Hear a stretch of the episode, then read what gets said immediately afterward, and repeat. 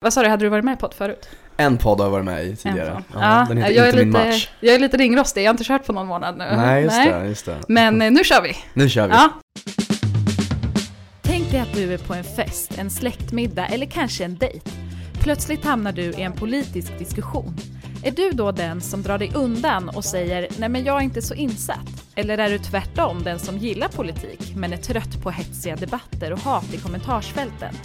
Ja men då har du hittat helt rätt. Jag heter Kattis Folkesson och jag är politiker. I den här podden så träffar jag gäster som gör någonting helt annat än vad jag gör. Och vi pratar om hur politiken påverkar dem och din vardag. Det här är Inte så insatt med mig, Kattis Folkesson. Freddy Liljegren är Örebrosonen som bytte från sport till musiken i tonåren. Och det är vi ju superglada över eftersom han kom hela vägen till final i Globen i Idol 2019 när han tävlade mot Tusse. Och eh, jag och Freddy gick på gymnasiet ihop så att eh, jag får förvarna om att det kommer en del namn och en del anekdoter därifrån som kanske är lite interna men jag hoppas ändå att ni tycker att samtalet är intressant. Vi hittade ganska mycket politik i Freddys liv och i de samtalsämnena som vi pratade om. Så här kommer avsnittet med Freddy Liljegren. Vad kul att du är här, Freddy Liljegren. Tack för att jag fick komma hit. Det Ja. var inte så långt. Jag bor ju bara en trappa upp. Ja, det var ju verkligen så här, vi hade satt en tid och så bara, kan jag komma ner nu istället? Och det gick jättebra för att det var så nära. Ja. Toppen. Det var bara att du missade han- handla fika, så jag är lite förbannad över det. Ja, men du får skylla dig själv när du vill komma ja, ner jag får direkt. göra det. Jag får Ja. det. Du, lite kort bara, vem är Freddy Liljegren? Eh, jag eh, heter Freddy Liljegren som du sa. mm. Eh, Jag fyller 28 nu om 10 dagar så jag börjar Åh, få lite, grattis. jag känner hur 30, 30 liksom kommer springandes mot Ja. mig. Du är ju själv där snart också. Så Jag att, är ju faktiskt redan vi- 28. Vi, Ja. Jaha, då har du fyllt redan? Ja. Okej, ja Ja. men då vet du vad jag, vad jag går igenom. Ja, jag vet exakt vad du går Ja. igenom.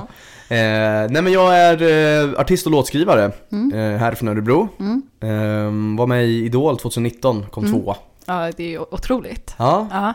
Och sen ska man ju säga att den som vann var ju Tusse som nu eh, kommer vinna Eurovision här snart. ja Så att du hade ju eh, liksom... ja, det var en tuff match. Ja, det var en tuff match. Det var ändå en jävligt bra person att komma tvåa till. Ja, verkligen. Alltså, och jag, han är värd allting, tycker Ja. jag. Han är grym. Ja, han är Verkligen. riktigt bra. Ja. ja, vad kul. Vi ska snacka mer om Idol och musik sådär. Men jag vill bara först, Mm. vad är liksom din... Om du hör ordet politik, vad är det första du tänker? Eh, ja, alltså politik är någonting som, eh, som jag är liksom så här väldigt intresserad av på ett plan. Mm. Men på ett annat plan så har jag, känns det som att jag inte har någon koll alls. Eh, Skulle du säga att du är inte så insatt? Eh, ja, det skulle jag kunna Mm. säga. Men alltså, jag vet ju samtidigt liksom, jag vet ju skillnaden på Vänsterpartiet och eh, Socialdemokraterna och Ja. på eh, Sverigedemokraterna och så vidare. Ehm, men sen liksom när det kommer till eh, hur allas typ budgetar och sådär ser ut, så där har jag ingen koll alls. ja, men det är inte många som har koll på. Nej, Nej Men det, är känns ju typ som att det, man måste, eh, man skulle ju behöva ha koll på det där. Ja. Speciellt i, i eh, de här typ partiledardebatterna. Mm. För då, är, då, då känns det som att eh, då, då kommer Löfven och säger ja våran budget är så här och så kommer nästa och säger nej det är den inte alls, den är så här, Mm. ni liksom Ni skär ju ner här och säger nej det är vi inte alls, vi satsar mer. Ja. Eh, och man vet inte riktigt vem man ska tro på. Nej, det är väldigt svårt att hänga med. Ja, Men du brukar titta på partiledardebatterna? absolut, Ja. absolut. Jag är ju väldigt insatt på det sättet. Ja. Men för att svara på din fråga, politik, eh, när jag hör ordet politik så Så tänker jag väl typ eh, att det är väl det viktigaste som finns nästan på något Mm. sätt. Viktigare Mm. än musik? Nej, inte Nej. kanske för mig just personligen, men utan politik så kanske, kanske vi hade levt i ett land där, där man inte får hålla på med musik. man ja, vet ju aldrig. Ja, just det. Ja, Mm. Demokrati är ju väldigt viktigt. Ja, eh, så. absolut, Mm. verk- verkligen. Men du, eh, pratade ni politik när du växte upp eller så? Vad har du för relation liksom, till politik tidigare? Tidigare? Nej, alltså under uppväxten så Det var ju inte så att vi satt och pratade, diskuterade politik hemma Nej. när jag var barn. Ehm, då var det bara liksom sport, sport, sport. Jag var ju sportfåne Ah, okej. hela, mitt, hela min uppväxt. Ja. Fram tills typ eh, kanske Ja men sista året på högstadiet, det var då jag började med musik. Och ehm, typ i skolan, tyckte du samhällskunskapen var kul och så? Där man pratar politik så i skolan? Eh, ja, men alltså det är så här, nu i efterhand har jag nästan ingen minne av att vi pratar så mycket politik. Nej. Vi gick ju i samma skola, har du Ja. minne av att vi pratar mycket politik? Ja, men våran klass diskuterade nog ganska Ja. mycket. Vi gick ju i parallellklass du och jag. Mm, Vi mm. var ju två estetklasser. Exakt.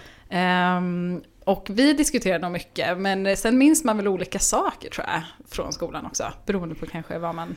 Vissa kanske eh, paid more attention än andra också kanske. De där åren, sista åren liksom innan man ska bli vuxen på riktigt. Ja. Men vi, det var ju så att vi, vi diskuterade också mycket i våran klass, Mm. i, på de här, vi hade ju vi hade ju intron, Mm. kommer det? På S-blocken. Mm, och vi hade. S-block, En- en- Nej, 90% vet inte vad det är. Nej, exakt. Men det var Ehm. på estet som man slog ihop liksom svenska, samhällskunskap, historia var det va? Mm, precis. Och så Till hade ett vi megapass liksom- på tre Ja, timmar. Exakt. Två gånger i veckan. Och då hade vi någon så här introduktion så att man fick titta på någon filmklipp och så skulle man eh, diskutera det. Ja, typ. och skriva ner reflektioner. Så vi hade, det. man skulle ha en reflektionsbok. Mm. Eh, och det vet jag att de gjorde narr av oss eh, för det. Eh, på den här eh, spexet vi hade. Ja, just det. Eh, då kunde man typ kolla på någon, en bild, typ en svart bild. Bara, vad tänker du nu? ja, jag ser en svart bild typ. Men egentligen, de ville ju typ så här att vi skulle tänka, ja jag ser mörker och jag, jag tänker på samhällsproblemen och så vidare. ja. Det är typ det de ville få oss att tänka. Men Exakt. i den åldern kanske man var rätt skoltrött och bara så här. Ja, jag ser en svart bild. Men då kunde det bli lite diskussioner hos er. då. Det kunde, det kunde bli det, det berodde, det berodde helt och hållet på vad det var liksom. Ibland, vissa saker rör ju upp känslor hos, eh, Mm. Hos alla. Mm. Ja, Jag tycker det är så roligt att höra hur, vad mina gäster har för relation till politik. Mm. Liksom. För att det är ju någonting, som du säger, det är ju väldigt viktigt och påverkar ju alla. Liksom. Mm. Eh, Men den personliga relationen till politik är ofta väldigt olika. Ja. Så det är kul att höra att du ändå tycker att det är, att det är intressant och så. ja, men det är det verkligen. Ja. Det är verkligen. Jag önskar, men jag ska säga, jag önskar att jag, att jag vore mer insatt än Mm. vad jag var. Och det är ju aldrig för sent att ändra på det, men eh, det, det tar, alltså ska man bli riktigt kunnig och och insatt så tar det otroligt mycket tid. Ja, det gör ju det. Mm. Ja. Då är det ju tur att man har politiker som kan göra jobbet. Ja, Ja. exakt. Jag brukar säga, det var någon som, som frågade mig någon gång vad det egentligen betyder liksom, med politik och vem som egentligen har makten och sådär. Mm. Och då, jag tror att jag förklarade det som att, tänk att, att du har makten som du lånar ut eh, vart fjärde år. Mm. Så att när du röstar, då lånar du ut din egen makt till någon politiker. Ja. Och det är ju sen precis så- så det är. Ja, det är så Mm. det är. Och sen efter fyra år så kommer den tillbaka och ger tillbaka dig makten. Mm. Och tycker jag då att den har skött sig så kan jag låna ut den till samma parti eller samma politiker. Mm. Och tycker jag inte den har skött sig då kan jag låna ut den till någon annan och se vad som händer då. Liksom. Mm, Det är lite precis. så. så Precis. Ja. Det blir lite att man lånar ut sin röst eh, till ett parti, men sen så bestämmer ju partiet och vilka människor som ska Precis. sitta. Ja. Om man inte, fast man kan väl välja person ja, man kan välja personer. Är du från Örebro från början? ja, det ska man väl säga. Jag Ja. föddes i Göteborg men jag flyttade hit Aha. när vi var, när vi var jätte, alltså jag var kanske var ett halvår eller någonting. Mm. Så att jag har ju bott och växt upp här. Det här är Mm. ju min hemstad. Mm. Hur var det att växa upp i Örebro då? Det var bra, jag växte upp i Hovsta. Vad, har du varit där någon gång? Typ en gång. Ja, det är lite norr om stan, typ Ja. två mil utanför stan. Mm. Eh, så superlugnt eh, Svensson-område. Mm. Så jag växte upp med, mamma bodde där och pappa, de skilde sig när jag var ganska liten så Mamma bodde i Hovsta och pappa bodde i Gärsta de sista åren. okej. Han flyttade Mm. runt lite i början där men sen Mm. så flyttade han till Gärsta. Mm. Bra uppväxt, alltså ehm, jag hade ju en missbrukande pappa. Mm. Eh, men han, eh, det var ju de första åren, eller typ låt oss säga kanske från att jag var tre till att jag var sex. Så, så, så, så satt pappa i fängelse för drog, eh, narkotikabrott. Okej. Mm. Eh, men sen blev han ju nykter och drogfri då, runt när jag var sex. Jag tror det var 99 och då, jag var väl vid sex år va? Mm. Ja. Sen efter det så, så liksom var han ju nykter ända tills han eh, dog i en hjärtinfarkt då för, nu ska vi se, det var 2000, 2016. Mm. Det har varit ett tag sedan. Fem år sedan. Nej jag kommer faktiskt, åh gud vad jag är på en salt. tror det var 2016. Ja. Ehm, som han fick en hjärtinfarkt och dog. Ehm, men eh, annars så tycker jag, det, alltså uppväxten har ju varit, jag har ju varit, haft en bra uppväxt. Ja. Haft en fantastisk mamma framförallt. Mm. Ehm, och sen så, de sista åren, från när min pappa slutade på sitt jobb som var KRIS. Mm. Vet du vad KRIS är? ja, precis. Berätta lite så lyssnarna... Ja precis, Det eh, det står för kriminellas revansch i samhället. Mm. Och eh, precis som det låter, det är ju bara ex-kriminella som jobbar inom den, det är en ideell, ideell organisation kan man säga. Mm. Eh, och pappa var ordförande för KRIS i Örebro och eh, förbundssekreterare för Rikskris som var liksom som en, Okej. som en eh, huvudorganisation för Mm. hela alla Så då var han väldigt, högt uppsatt? Han var högt uppsatt, eh, men det krävdes ju otroligt mycket jobb. Mm. Och det var lite så här nästan att när man åkte till pappa så var det bara, alltså vi var ju, och vi var ju på hans jobb hela tiden i princip. Ja. Och eftersom vi var där varannan helg så var vi ändå liksom nere på hans jobb. Så man kan tänka liksom hur mycket han jobbar eftersom vi var där på helger också. Mm. Men de sista åren när han liksom inte var kvar på KRIS, då blev han en helt annan person. Mhm. Eh, och det var liksom då tror jag vi hittade varandra. Okej. På riktigt. Ja. Så att det var typ de sista kanske två, tre åren. Eh, Vad som var, ont det som var måste fina. ha gjort då ja. att förlora honom när det började bli bra liksom. Ja, verkligen, Mm. verkligen. Mm. Eh, så det, det är tufft, man tänker på honom fortfarande väldigt mycket. Ja. Eh, men nu har jag också fått upp mycket så gamla mörka tankar. Eh, man eh, har ju tänkt, alltså dels så har jag ju kommit ihåg de här sista åren som de fina åren. Ja. Men jag har också börjat minnas allt innan det och det var ju Okej. inte alltid lika ljust liksom. Så jag har haft väldigt mycket tvivel, eller mycket så här, grubb, jag har grubblat väldigt mycket på eh, mina känslor inför, alltså inför min pappa. Och det Mm. har varit väldigt liksom upp och ner nu på senaste tiden. Mm. Och jag tror att det kanske bara Alltså nu var det, nu var det flera år sedan han dog så att jag har kanske inte bara tagit tag i det förrän, Mm. förrän nu. Mm. Men hur, hur var det, hur påverkade det din uppväxt att ha, att ha din pappa borta och, och i missbruk och så? Alltså egentligen, jag, så här, på rak arm skulle jag säga inte speciellt mycket. Mm. Eh, eftersom eh, jag var så liten när han var verkligen borta, borta. Jag, alltså man, jag var mellan 3 och 6, man kommer inte ihåg så mycket från de åren. Nej, man gör inte det. Eh, men sen så här i övrigt så var det ju nästan, det var ju det var ju hos mamma man ville vara. Där hade man alla kompisar. eh, Och jag som jag sa, jag höll på mycket med sport och spelade fotboll och innebandy och allt det där i Hovsta. Eh, sen åkte man till pappa varannan helg och det var ju kul att vara med pappa på ett sätt. Men alltså när det inte blev så mycket jobb typ. Mm. Eh, vad ska man säga? Alltså, så han, var ju, han, var ju, han var ju den bästa pappa han kunde vara om man säger så. Ja. Mm. Men under den tiden som han satt i fängelse och, och hade missbruk, fick ni Mm. något liksom stöd från samhället, från SOS eller från skolan eller så? Eh, oj, det har jag faktiskt ingen aning Nej, det om. vet- nej, du var så liten, Jag inte, nej, precis. Jag var så liten, Nej. sen har inte jag pratat med mamma om det heller. Men eh, det var ju det var ju mamma som höll ihop eh, familjen på så Mm. sätt. Hon var ju ensamstående med mig och min syster. Mm. Eh, och eh, liksom stod för allting och såg till att vi fick, jag fick hålla på med mina sporter och Johanna höll på med sina grejer. Och, Mm. Så att det är haft, jag haft en jättestark mamma verkligen. Mm. Gud vad bra att, att idrotten fanns där också. Ja. Så att hon kunde få avlastning när du var på, på sport. Ja och precis, liksom, att det du kunde få ha en kul Hon fick väl kämpa barndom. för att ha mig hemma. jag var aldrig det hemma. var mer så. Nej. Vi bodde ju också precis vid en fotbollsplan. Ja. Så jag var ju bara, vi var ju där ute hela tiden, Ja. jag och mina kompisar. Eh, Gud vad viktigt. För anledningen till att jag frågar allt det här Mm. är ju för att här kommer ju faktiskt politik in. Ja, Jag sa, jag sa innan vi satte på mickarna att jag ska försöka hitta så mycket politik som möjligt i ditt liv. ja, ja. Nej men för att alltså, barn som, som har missbrukande föräldrar, där är det Mm. ju jätteviktigt att det finns andra vuxna runt omkring. Eh, som stöttar upp och visar på är bra förebilder och ser till att man faktiskt får vara barn. mm. Och det verkar ju som att du verkligen fick vara det då. Alltså att du fick ha verkligen. Och det är mycket bättre att springa och- ut på en fotbollsplan än Mm. att springa ut på gatan. Exakt, Eh, så att det var ju väldigt tur. Dels att jag hade det intresset Mm. eh, och att liksom eh, jag fick möjlighet att hålla på med det. Ja. Och då är det viktigt att det finns typ idrottsföreningar. Ja. Och idrottsföreningar får ju ofta pengar från kommuner Mm. eller regioner. Mm. Och där sitter politiker och bestämmer. Mm. Så du ser, allt kan kopplas till Allt politik. kopplas till politik. Ja, det är bra. Ja, men verkligen. Men du, du, du är ju själv pappa nu. Mm. Ja. Hur, eh, hur känns det? Har, du, har något ändrats i ditt liv? Förutom allt det praktiska, att ha, att ha en, litet, en liten unge. Eh, ja, alltså, vän, alltså livet vänds ju upp och ner egentligen i samma sekund som man får sitt barn. För då vet man ju Mm. att nu, jag, är aldrig, jag kommer aldrig mer vara nummer ett i mitt eget liv. Mm. Ehm, samtidigt så, ehm, allt jag gör, alltså jag, jag blir triggad, ännu mer triggad till liksom att försöka lyckas inom det jag vill. Mm. Eh, just för att jag vill kunna ge henne, min dotter då, liksom allt det här som jag skulle kunna, alltså som man, som man kan uppnå om, den, om man nu lyckas Mm. inom musikbranschen då. För går, går det bra inom branschen så kan man ju liksom eh, tjäna jättemycket pengar och, bli, och få en jättestabil liksom, grund att stå på. Mm. Eh, så det har ju verkligen triggat mig att vilja göra mer. Samtidigt så har det också gett mig mycket, mycket mindre tid till att göra det.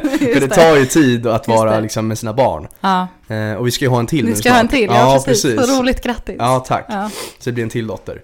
Och det är också det här som vi pratade om förut med min uppväxt och sådär. Mm. Eh, Allt som jag inte liksom fick från min pappa och det som, som han, som jag kände ofta att han, han- att han valde bort oss. Mm. Det vill jag ju absolut inte göra liksom, till mina barn. Nej. Jag vill aldrig känna liksom att eh, de ska vara rädda för mig eller att de liksom att de inte kan lita på mig Mm. eller känna att jag aldrig liksom finns där. Det får ju liksom inte hända. Kände typ- du så när du... jag känner lite så, det är Ja. Mm. ju en, en skräck liksom. Eh, jag är ju livrädd för att det ska bli så. För jag, jag är ju lite grann som min pappa också, märker jag. Okej. Jag har den här, den här egoistiska sidan hos mig själv ibland. Okej, Att eh, jag vill gärna att det ska gå på mina villkor. Och jag vill gärna liksom, se till att jag får göra mina grejer. Mm. Det funkar inte alltid så. Eh, sen kan man ju alltid liksom försöka planera och så att det blir bra för alla. Mm. Men ehm, Nej, så det, det där är något jag verkligen måste jobba på Mm. hos mig själv. Mm. Visst är inte det, inte det en jobbig grej med att bli äldre? Att man märker att man är ganska lik sina föräldrar. Jo, alltså verkligen. det är det ju. Ja. Ehm, men Eller det jobbigt, det beror på vad föräldrar man har, tänker på jättemycket. Nej. Nej, jag har märkt att jag är väldigt lik min mamma, men det är inte så jobbigt för jag tycker hon är ganska härlig. Ja, men jag älskar min mamma. Så att eh, om jag hade varit mer lik henne så hade det varit bara plus i kanten. Men det är ju bra att du är medveten om det. Så att du Mm. liksom... Jag tänker det är ju väldigt fint att du, att du verkligen vill vara närvarande som pappa. För att om man tänker, om man tittar på liksom samhället bakåt i tiden. Det, är ju inte, det har ju aldrig varit så norm att det är männen som ska vara liksom närvarande i, i barnens liv. Utan det är mycket mamman som, som tar ansvaret. Och det har, varit, det har nästan varit som en naturlag. Typ att mamman ska vara hemma med barnen och pappan Ja. ska vara ute och jobba. Precis. Så är det ju inte alls i vår generation. Nej, och det är, det är väldigt bra att det är så. Eh, men å andra sidan så tycker jag att det är viktigt att man, att man får bestämma det själv. Mm. För just i vårat fall så ville ju Emily vara hemma. Mm. Eh, och på så sätt så att vi hade möjligheten att, jag gav ju bort alla mina dagar förutom mina 90 dagar. Just det, för man har tre månader i Ja, pappamånader. 90 dagar eh, på sjukpenningnivå har man ju som man måste ta ut själv. Mm. Eh, och det tycker, jag, det tycker jag är bra, för att annars hade, tror jag många hade gett bort allting också. Mm. Jag tycker att det är bra att man åtminstone har de dagarna, för de tror jag man kommer vara tacksam över sen. Mm. Så nu är Leia snart två år och jag har fortfarande inte tagit ut någon av mina dagar. Eller en dag har jag tagit ut. en dag. Men för, för, för oss så var, så var det faktiskt det bästa. Mm. Eh, men sen vet jag att eh, vissa vill ju att man ska fördela det där lika. Mm. Eh, Att det, att det måste vara exakt lika. Mm. Men jag tycker, alltså om jag ska utgå från våran så var det jättebra att vi kunde få ha den friheten att bestämma själva. Mm. Ehm, Miljöpartiet vill ju ha som en tredelad. mm, Alltså att man har, att eh, föräldrarna har en tredjedel var. mm. Och sen den tredjedelen som är kvar, den kan man bestämma över själv. Förstår Ja, du? okej. Så Men att det blir antingen typ tar- nästan samma sak Ja, det är nästan Det är samma lite sak. fler dagar kanske Ja, man har, som typ man inte får bort då. Ja. Och sen så ska det också vara att man ska kunna ge bort den sista tredjedelen till liksom en tredje person. Mm, typ en mormor eller Ja, men typ om man har liksom någon mor eller farförälder så som vill kliva in. Eller om man har, det kan ju också vara att man är en familj där man är, säg ett, ett samkönat manligt par, två, Mm. två män, skaffar Mm. barn tillsammans med en kvinna. Mm. Eh, då är de ju tre föräldrar, men det är Mm. bara två föräldrar som är juridiska föräldrar. Ja. Och då skulle man kunna ge bort en tredjedel till den tredje föräldern. Liksom. Mm, ja, så. precis. så att det är ju ett sätt att anpassa efter att familjer ser olika ut också. Mm, mm, verkligen. Ja. verkligen. Berätta om musiken. När kom musiken in i ditt liv? Eh, ja, man kan ju säga på ett plan så har den väl alltid funnits där på något sätt. För att jag har väldigt mycket musik i min släkt. Ja. Eh, alltså på min mammas sida då. På pappas Mm. sida har jag ingen musik alls. Men på mammas sida eh, så är det väldigt mycket musik. Min morfar var ju väldigt aktiv i, han var pastor. Mm. Eh, och han eh, var ju, det märkte jag också så här under Idol. Att han, hade, han träffade ju så sjukt mycket folk och det var jättemånga som skrev till mig bara "Åh, jag kände din morfar. Och jag, kom, jag kände inte ens min morfar, jag hann knappt träffa han. För han dog Okej. också väldigt tidigt. Eh, men han var väldigt, väldigt stor inom kyrkan och hade mycket så här musik, eh, barngrupper. Okej. Alltså han var, han var tydligen en riktig spelevink. han åkte runt och skojade och, och spelade musik och sådär. Mm. Eh, och sen min mamma då, är ju väldigt musikalisk. Eh, väldigt bra gehör, sjunger och spelar piano. Mm. Och sen har hon tre bröder. Mm, Och alla de är, är ju jätteduktiga musiker. just det. Så har den äldsta Kul. brodern, Ehm, har ju spelat piano och varit, och så turnerat runt i USA och grejer med, Jaha. med Joybells. Aha, det är ju en kör i Örebro. Ja, en jättestor kör i Örebro. Ehm, och sen är det ju mellanbrorsan då, han är faktiskt också politiker. Ja, Mats, Mats Olof. Liljegren. Ja, Ja, ja. Han har du kanske fightats med lite. Ni Ja, lite grann. Ni är lite så här på varsin sida. Ja, han är Eh, Eller ja, han är liberal. Eh, Liberalerna. så I vissa är... frågor tycker vi väldigt lika och i andra frågor tycker vi inte så lika. Ja, nej men precis. Men det är ju så det brukar vara i politiken. Ja, Ja. Men det är precis så det ska vara också. Ja, Då blir det väl exakt. oftast eh, när man kan samsas och hitta det absolut bästa, sen är lite mittemellan. Det är ju perfekt. Mm.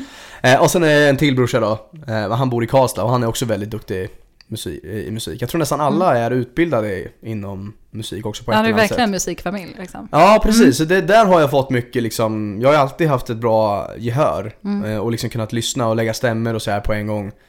Eh, men det var ju som sagt eh, sporten som var liksom mitt, min, mitt kall typ när jag var liten. Mm. Sen så började jag faktiskt på, när vi började högstadiet så började jag här borta, OP-skolan. Mm. Olaus Petri-skolan. Ja, precis. Och då, då kunde man gå en fotbollsinriktad eh, högstadie. Ah, Så då var det, sjuan och åttan, då var det liksom eh, Eller i början så var det väldigt mycket, många som hade fotboll.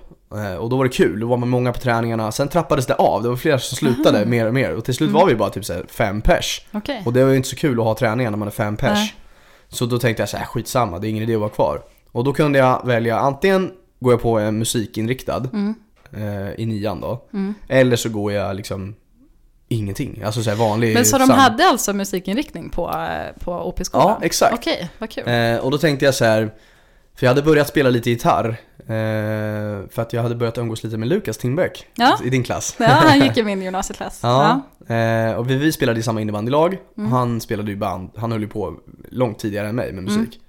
Och så började jag umgås med honom och sen så var jag hemma hos han när han satt och spelade elgitarr till någon jag tror det var en Ozzy Osbourne-låt eller någonting och spelade Okej. någon skitsnyggt solo och jag bara shit, det här måste jag lära mig. Ja. Det var det coolaste jag sett. Ja. Så då köpte jag en elgitarr och sen så Utan att kunna spela egentligen? Ja, alltså i princip. Jag fick ju Ja. lära mig lite av, eh, av han typ. Ja. Mm. Några ackord och, och sådär. Och sen så köpte jag en elgitarr och en liten stärkare. Och sen var det som att man öppnade en helt ny dörr. Typ. Ja. Jag Bara, det kunde jag sitta så här, åtta timmar i sträck och spela varje dag. Ja, Så jag utvecklades ju jättemycket i början och Mm. blev liksom bra på att spela på väldigt kort tid. kul. Ja, och Mm. så där har jag aldrig känt för någonting annat. Så på något sätt så kände jag så här, ja men det här eh, måste jag hålla på med.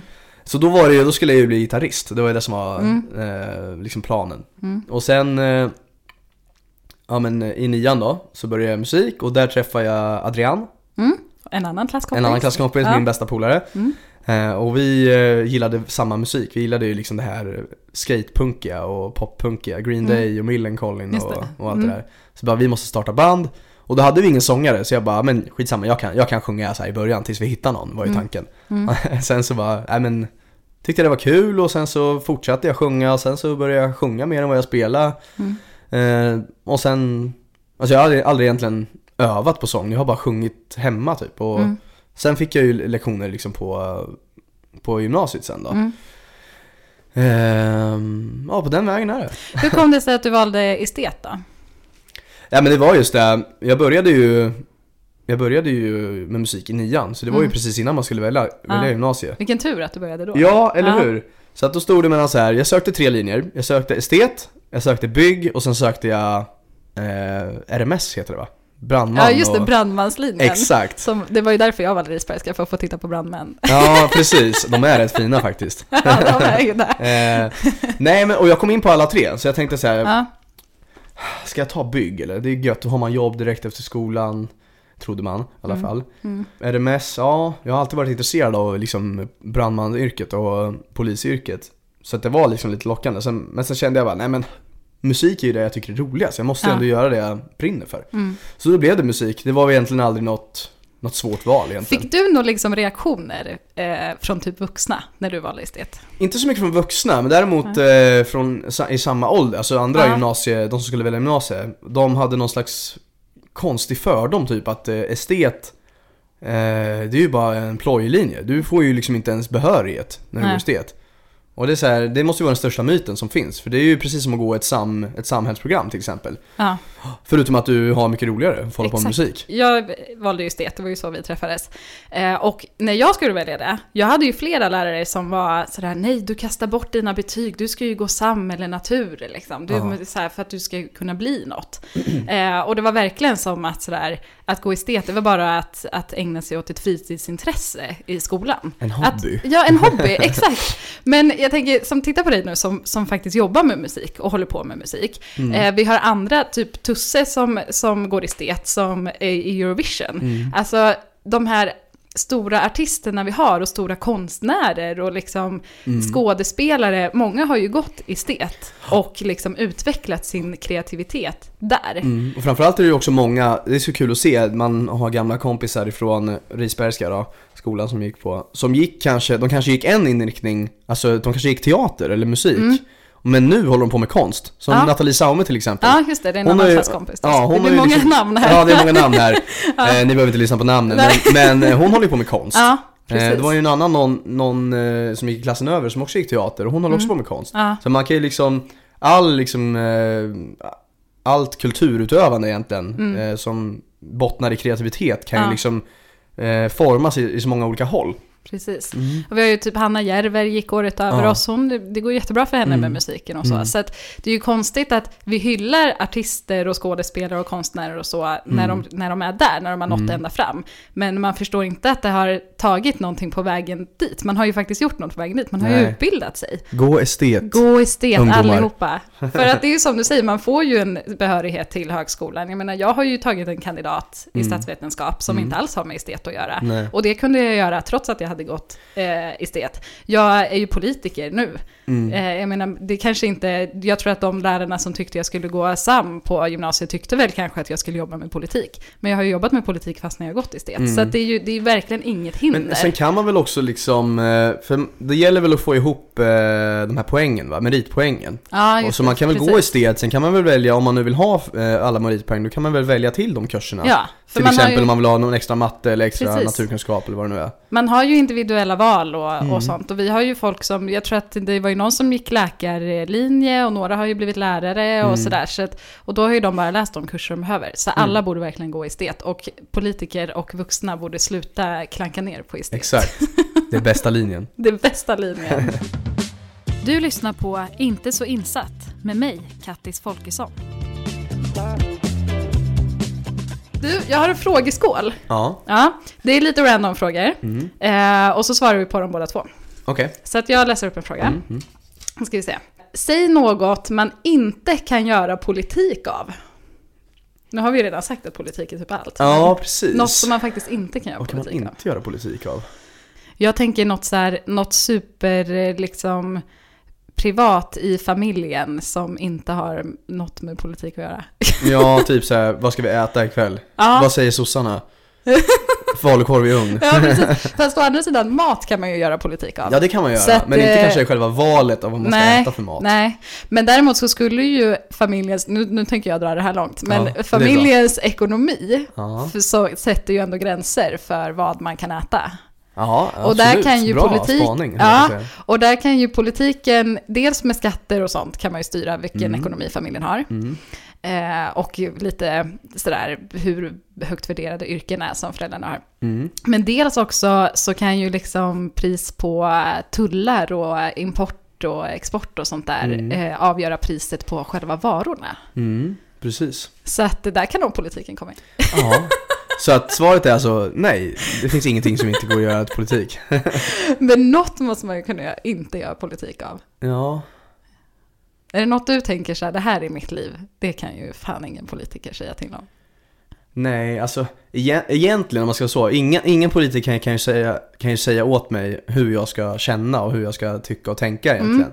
Så mina egna känslor kan ju egentligen kan man ju, alltså, fast det, ja, det är, ja, nej jag vet inte. Det blir ju också politik det jag, i mina handlingar sen och vad jag, vad jag nu Ja, gör. Vad ja. jag, alltså, Det du gör av känslorna och tankarna. ja, precis. Sen kan det ju vara att politik påverkar ens känslor och tankar. Ja, alltså att oh ja. jag läser någon nyhet och så Mm. får jag en känsla av den. Mm. Ja. Mm. Så att vi kommer fram till att det vi finns får, inget. Nej, vi får, vi får kanske ta den i slutet av programmet se om vi kommer på något. Om vi kommer på Ja. något. Vi tar en annan fråga Ja. så länge.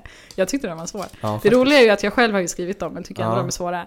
Eh, berätta om en dålig dejt du har varit på. En dålig dejt? Åh men gud, jag har ju typ aldrig dejtat någonsin. Va? Nej men alltså, Har du inte haft Tinder och sånt? jo men det var ju liksom, eh, alltså det hände ju aldrig någonting på Tinder. Man matchade med någon och sen så bara, det, jag, vet jag tror inte ens jag skrev med någon. Ja, alltså det är såhär, men det kanske var jag som var dålig på Tinder. Man måste ju skriva. Men jag har aldrig, nej men jag har aldrig varit en, haft en Tinder-dejt och jag vill aldrig egentligen, Du har bara haft bra dejter. ja i så Gud fall. vad härligt, vilken Alltså, lyx.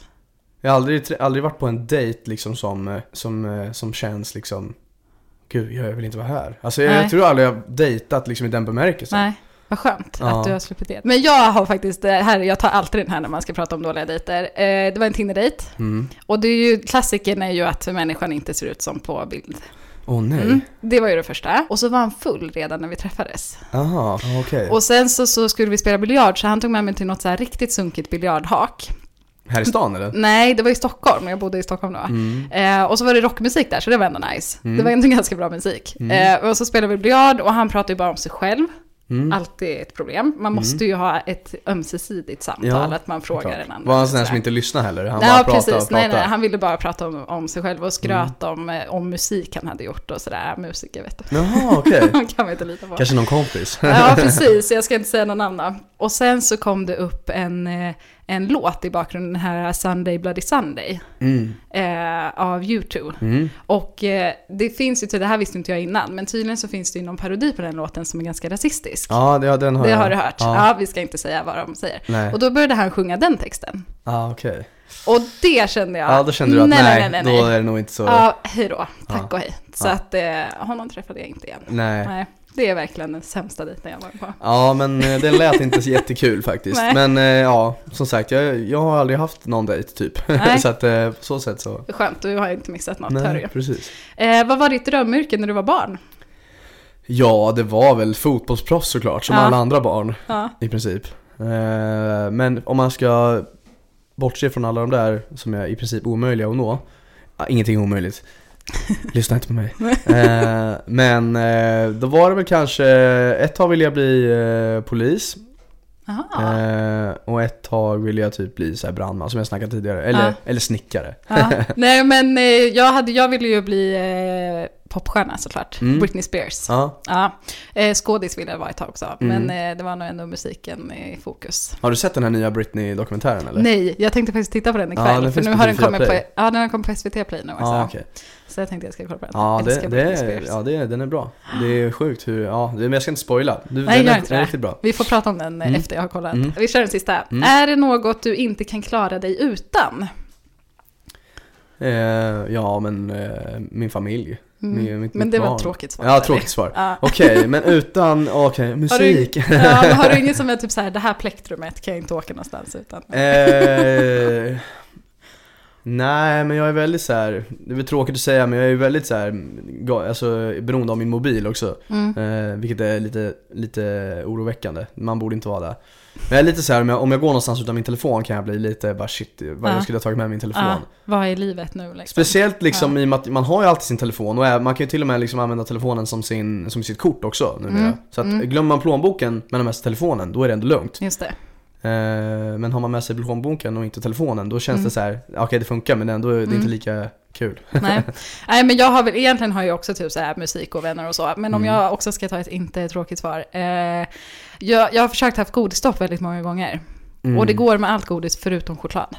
Ja, Alltså det går jag åt verkligen precis inte. choklad innan jag Ja, du gjorde det? Ja. Ja. Jag kände, jag har slut på choklad så jag måste gå och köpa choklad efter att Ja. Freddy har varit här. Nej men jag Men har det- också så här, mm. eh, jag är, ju, jag är ju faktiskt, jag är ju faktiskt sockerberoende, det måste jag Ja. erkänna. Ja, jag klarar typ inte, jag äter godis nästan varje dag. Ja. Alltså, och det är livet. Jag men älskar det jag vill aldrig det. sluta. Ja, men det är som när man var barn fick man ju inte äta godis när man ville. Nej jag vet. Så att jag är fortfarande i en sån här, liksom, du vet som man var när man fyllde typ 18 och hade egna pengar Ja. och kunde köpa godis jämt. Mm, mm. Jag är fortfarande i den fasen att Ja. bara för att jag kan måste jag ha godis. ja, alltså det går ju bra. Man kan ju äta lite grann så här. Man kan äta varje dag om man äter lite grann. Mm. Men äter man mycket varje dag, då eh, är det inte bra. Nej, det Alltså, inte bra. speciellt inte eftersom jag, just nu tränar jag ingenting heller. Inte, Nej. tränar du någonting? Nej, inte mycket. Jag, jag har börjat spela paddel faktiskt. Jävla Klyscha. Älskar det. Ja, du spelar det? Ja, Gud, alltså det blir inte så ofta. Det är, det är så här, man ska ju man ska ju dra ihop tre andra också, det ska funka för alla och liksom nu Ja. när många av mina vänner också har barn, det, det Mm. blir svårt liksom. Mm. Och alla jobbar olika. Men, det ja, jag ju- önskar jag spela varje vecka, det är så Ja, jävla kul. Det är jättekul. Men det finns ju singelbanor också. Mm, jag, Jag var det, faktiskt på, nej, jag var på, på paddeldejt idag faktiskt, från Tinder. Aha. Och då körde vi på singelbana. Okej. Så det gick ju. Var han också full? också? Eh, och, Nej, han var inte full. Nej. Tack och lov. Vi sågs ju typ sjöng rasistiska 10 på YouTube-texter. Nej, det gjorde han inte. Så att om han lyssnar på det här kan han ju komma ihåg på dejt nummer två att inte göra det. Nej, bra. Eh, Det blir en dejt två då?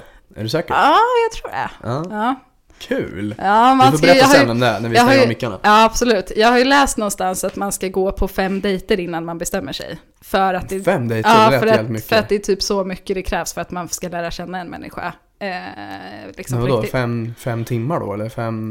Alltså en dejt kan ju vara jättelänge. Ja men gärna att man ska träffas fem, vid fem olika tillfällen och göra olika saker Ja, på de okej. dejterna typ. Så att Mm. man får se varandra i olika sammanhang liksom. Mm. Mm.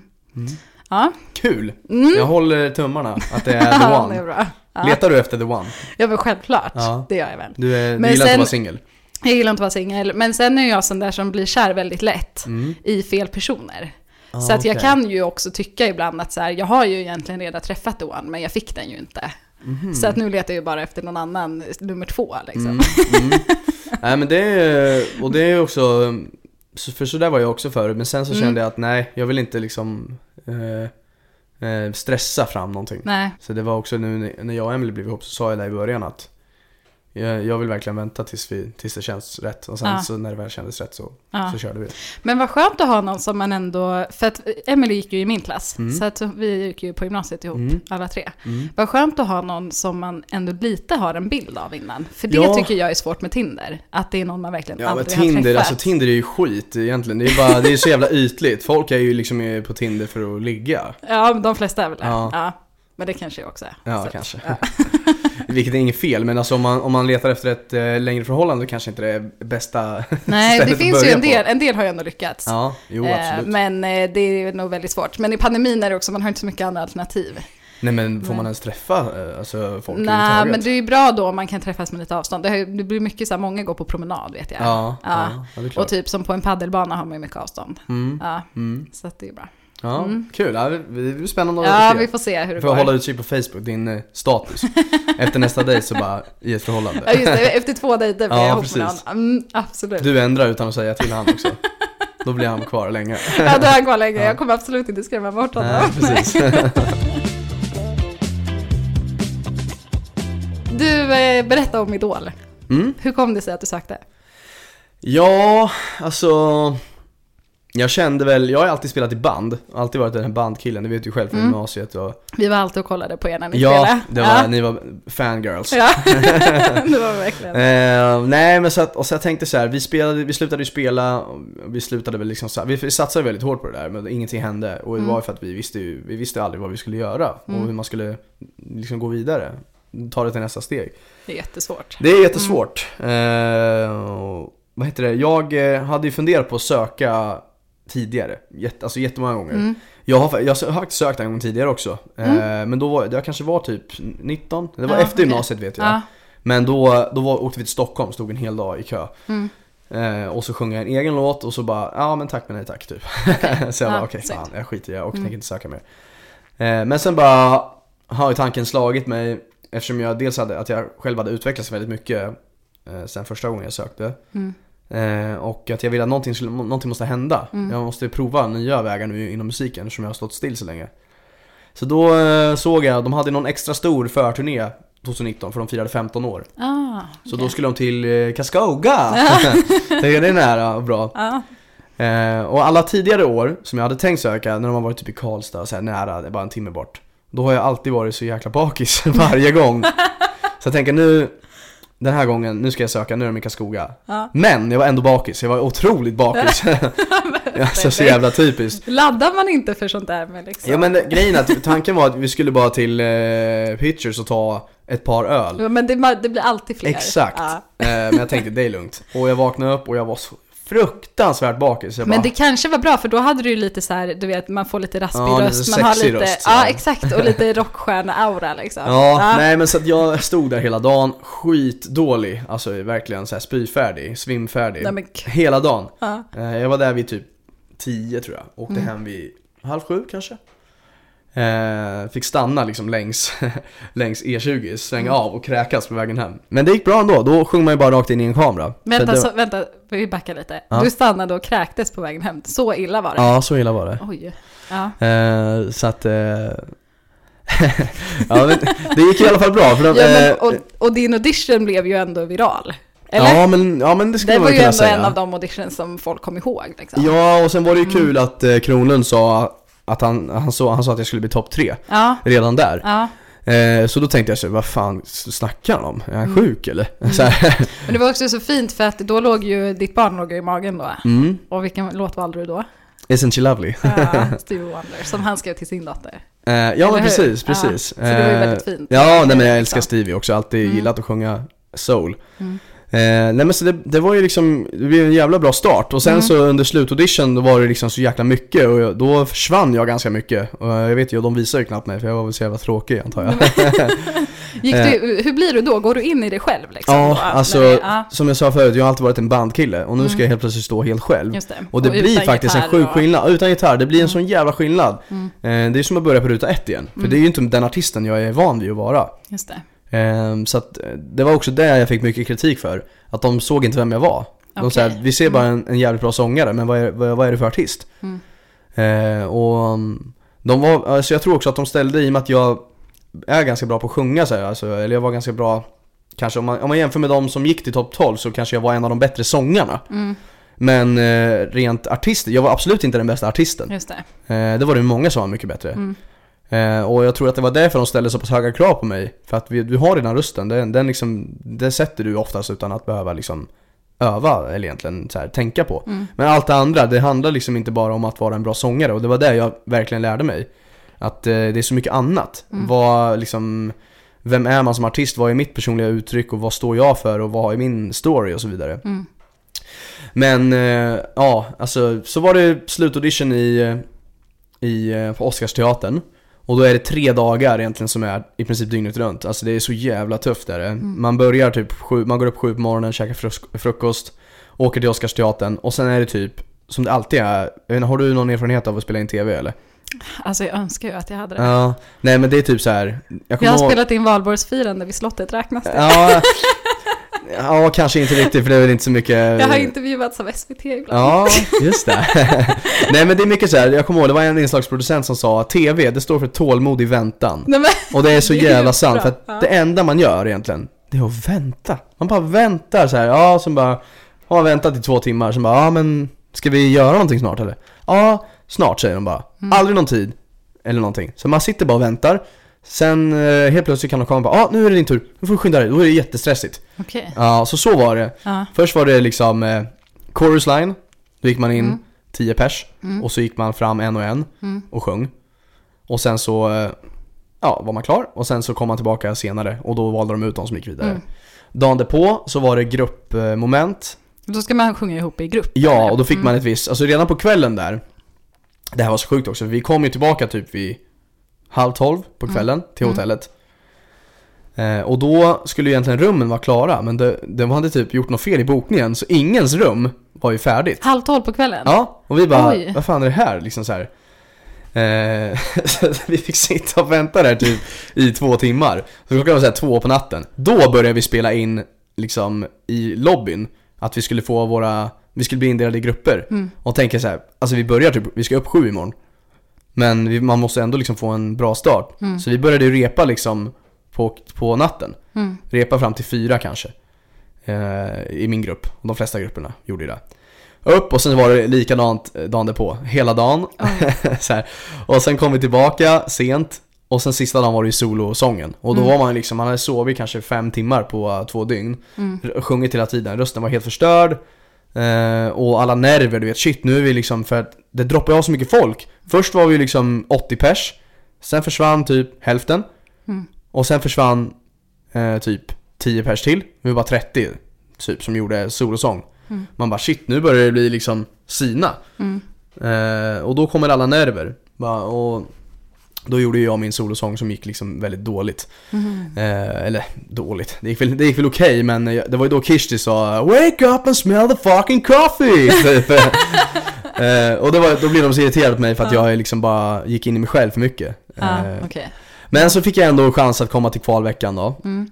Och då, var det, då började det live. live. Ja, läskigt. Eh, ja, men också det man hade väntat på. För jag Ja. gillar ju att vara framför publik. Jag är Ja. ju liksom en entertainer. du Jag får, kommer från du får det. energi av det liksom. Jag kommer ju från den världen liksom. Mycket Mm. band och coverband och sådär. Mm. Eh, och där åkte jag ju faktiskt ut ju.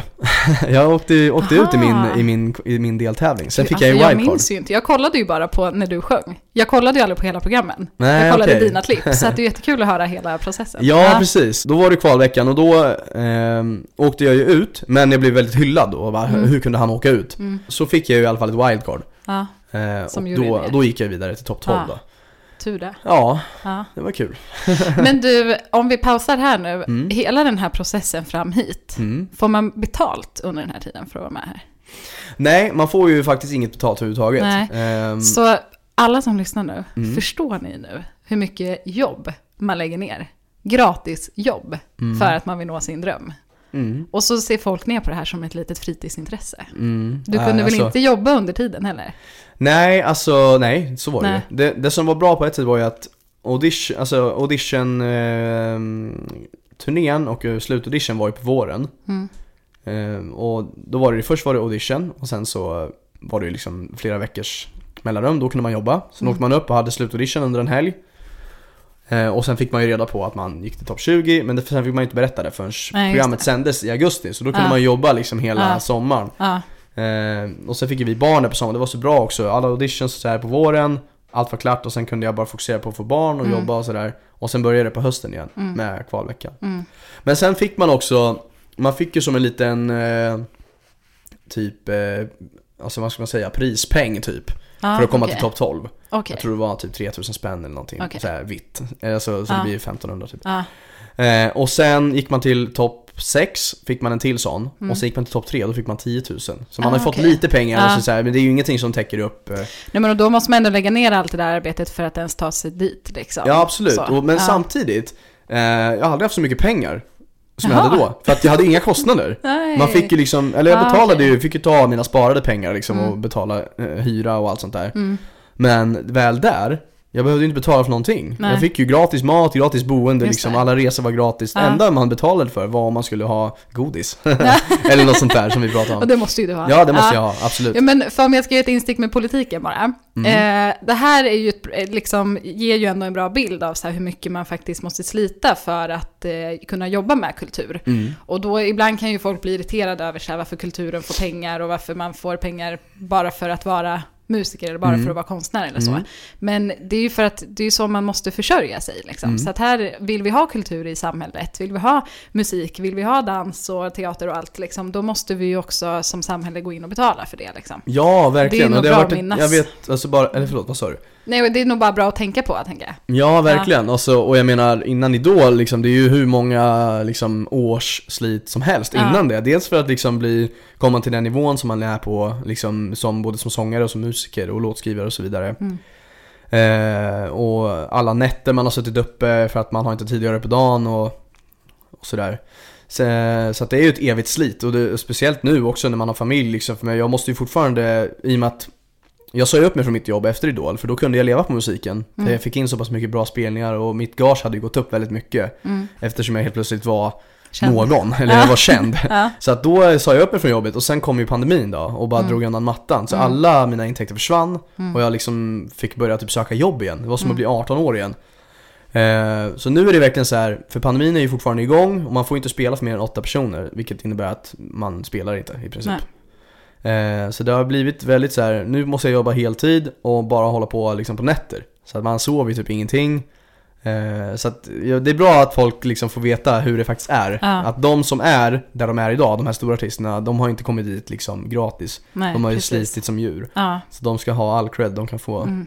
Och här måste verkligen politiken gå in och visa att så här, uppskattar man kultur då måste vi också vara beredda att betala för det. Precis, så jag Mm. vet ju det har varit ett jävla tjafs, eh, eller förlåt svär jag i din podd, det ska Ja, inte det göra. har du redan gjort hur många gånger Har jag som gjort helst. det? ja. Okej.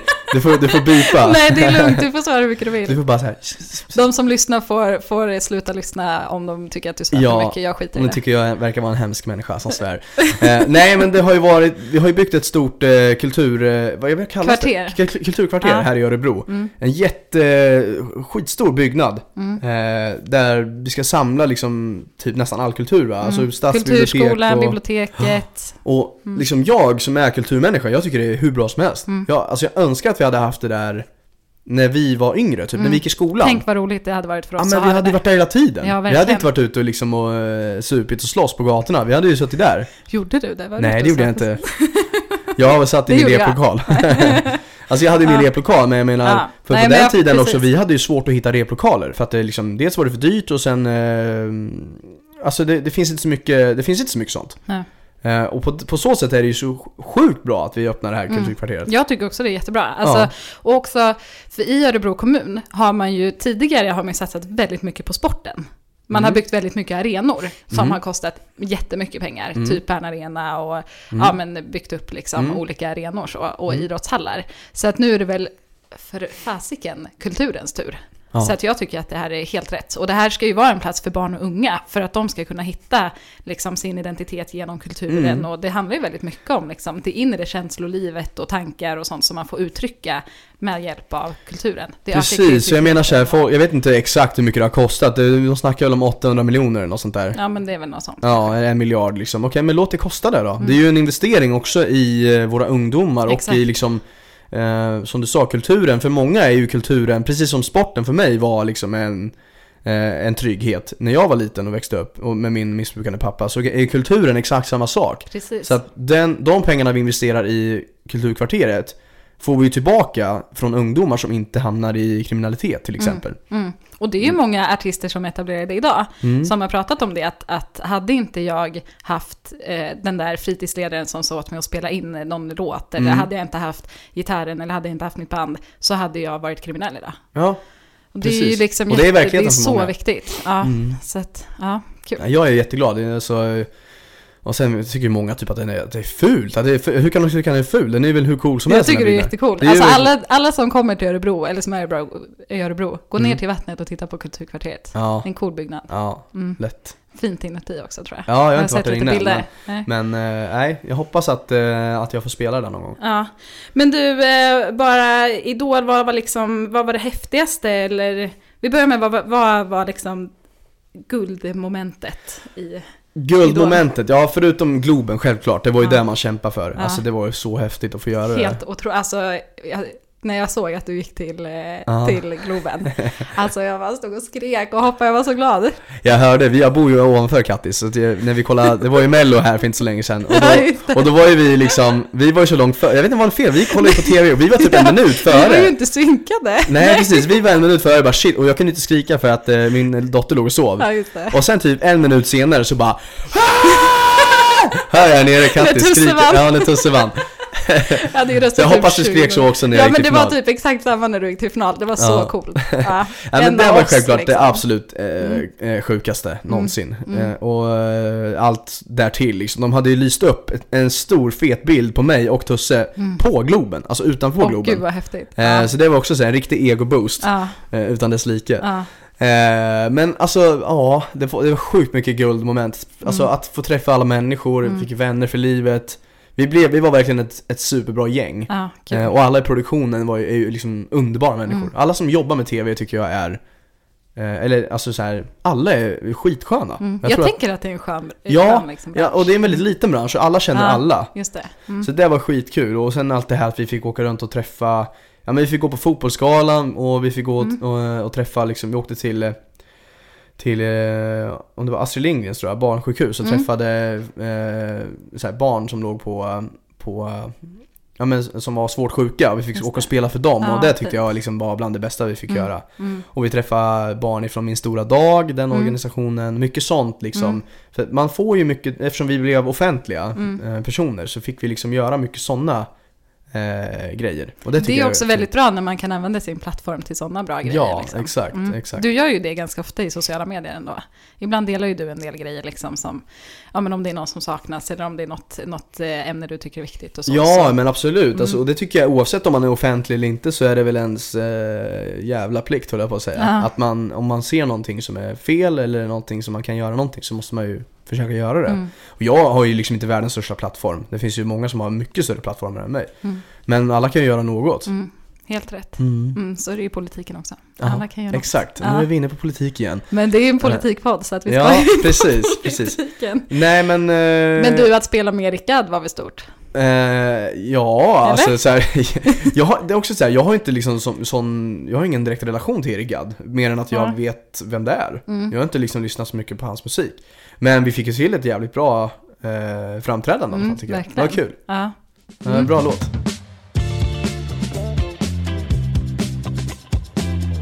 Nu ska vi snart avrunda, men jag bara tänker vad händer nu för dig? Det har ju varit, vi var inne på det med pandemin som har slagit otroligt hårt mot hela din bransch. Mm. Eh, du sa ju det själv att du har blivit av med alla intäkter och det är många som har blivit det. Och här är det jätteviktigt med stöd från, från, kultur, från politiken, Mm. att man stöttar kulturen. Mm. Men vad händer för dig? Liksom? Vad händer framåt nu? Jag har ju sett en väldigt rolig nyhet på din Instagram. Vad sa du? Jag har ju sett en väldigt rolig nyhet Ja just det, ja men jag har faktiskt precis eh, signat eh, mitt första skivkontrakt Woho! Som, eh, får lägga på publikljud Ja, exakt. Så man bara åh publik Eh, Vad är det för något? Nej men, ehm, så det känns jättekul. Mm. Eh, de är, det är ett amerikanskt bolag. Så Okej. att, eh, de är ju independent, vilket betyder att de är, de är inte något av de här liksom stora, Universal, Sony, Mm. Warner och de där. Eh, så de har signat mig nu och Kul. det känns jättekul att Ja. få liksom göra det på riktigt. Mm. Så att, eh, kommer börja med att släppa fem låtar. Kan du inte nynna på någon liten låt bara? Nej, jag har inga låtar än. Nej. alltså, jag, eller jag har massa men ingenting som jag kommer släppa där utan jag, nu Okej. kommer jag liksom eh, skriva eh, till det här projektet då. Ja, Eh, gud vad roligt. jättekul. Grattis. Tack, Mm. så kul. Eh, och sen nu till hösten ska jag faktiskt, eh, jag ska börja plugga igen. Jaha, Till, eh, eller jag ska gå på, på Musikhögskolan. vad kul. Ja, Gud, så vad att, eh, roligt. det blir eh, blir det musik, eh, musikproduktion och songwriting. Ah, vad roligt. Ja, verkligen. Och det är ju också eh, liksom så här, eh, utbildningen i sig, alltså så här, utan att liksom dissa den utbildningen. Jag är inte egentligen så jätteintresserad av utbildningen. Jag är Mhm. intresserad av att liksom få mer tid. Mm, Eh, och det kan jag få genom den här utbildningen. För att om jag ska, antingen kan jag jobba 100% mm, för att försörja min familj och sådär. Och sen sitta kvällar. Men det, det blir för lite tid. mm, Nu kan jag egentligen sitta hela dagarna mm. och skriva och lära mig att, producera. ja, och jag tror att det är en jättekul utbildning också. Det tror jag också. Mm. Eh, Mm. så att det kommer jag göra, det börjar i höst. Mm. Eh, Kul. Ja, verkligen. Så att det... Då kan du sjunga i min kör, Örebro studentsångare. Är det din kör? Eller min Eller du är kör. med i den Jag kören? sjunger i den Jaha. kören. Ja, nu lät det som att det var Ja, min. du men- dirigerar. Ja. Exakt. Mm. Ja. Kul. ja, men vad roligt Freddy. Kul. Ja, verkligen. Eh, vad kul att vi hade, vi fick ju ändå in ganska mycket politik tycker jag. Ja, det tycker jag. Och jag hoppas verkligen att ni som lyssnar får med er att kulturen är jätteviktig och nu har ni hört vad som faktiskt ligger bakom och hur mycket jobb det faktiskt är. Mm. Så att om ni eh, vill ha mer kultur så eh, rösta för det och betala för det.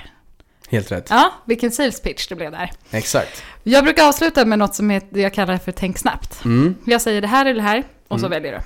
Okej, Okej, är spännande. du med? Ja. Fotboll eller hockey? Eh, att spela fotboll, att titta på hockey. Okej, chips eller godis? Ooh. Snabbt Chips. nu. Örebro eller Stockholm? Örebro. Dans eller teater? Eh, dans. Ja, det måste du säga, för tjej är ju annars dansare. blir jag, ja, annars blir jag halshuggen. Idol eller Mello? Eh, jag har ju bara erfarenhet av Idol, så Idol.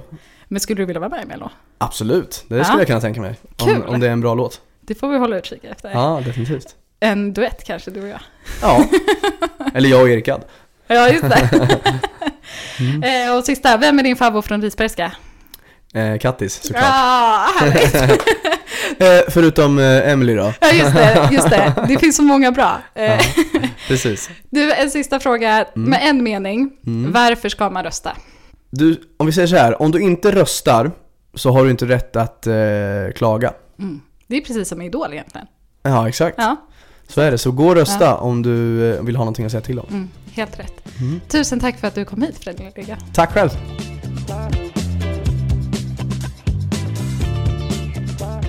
Jättekul att träffa en gammal klasskompis från gymnasiet. Det är ju inte varje dag man får sitta och prata gamla minnen så.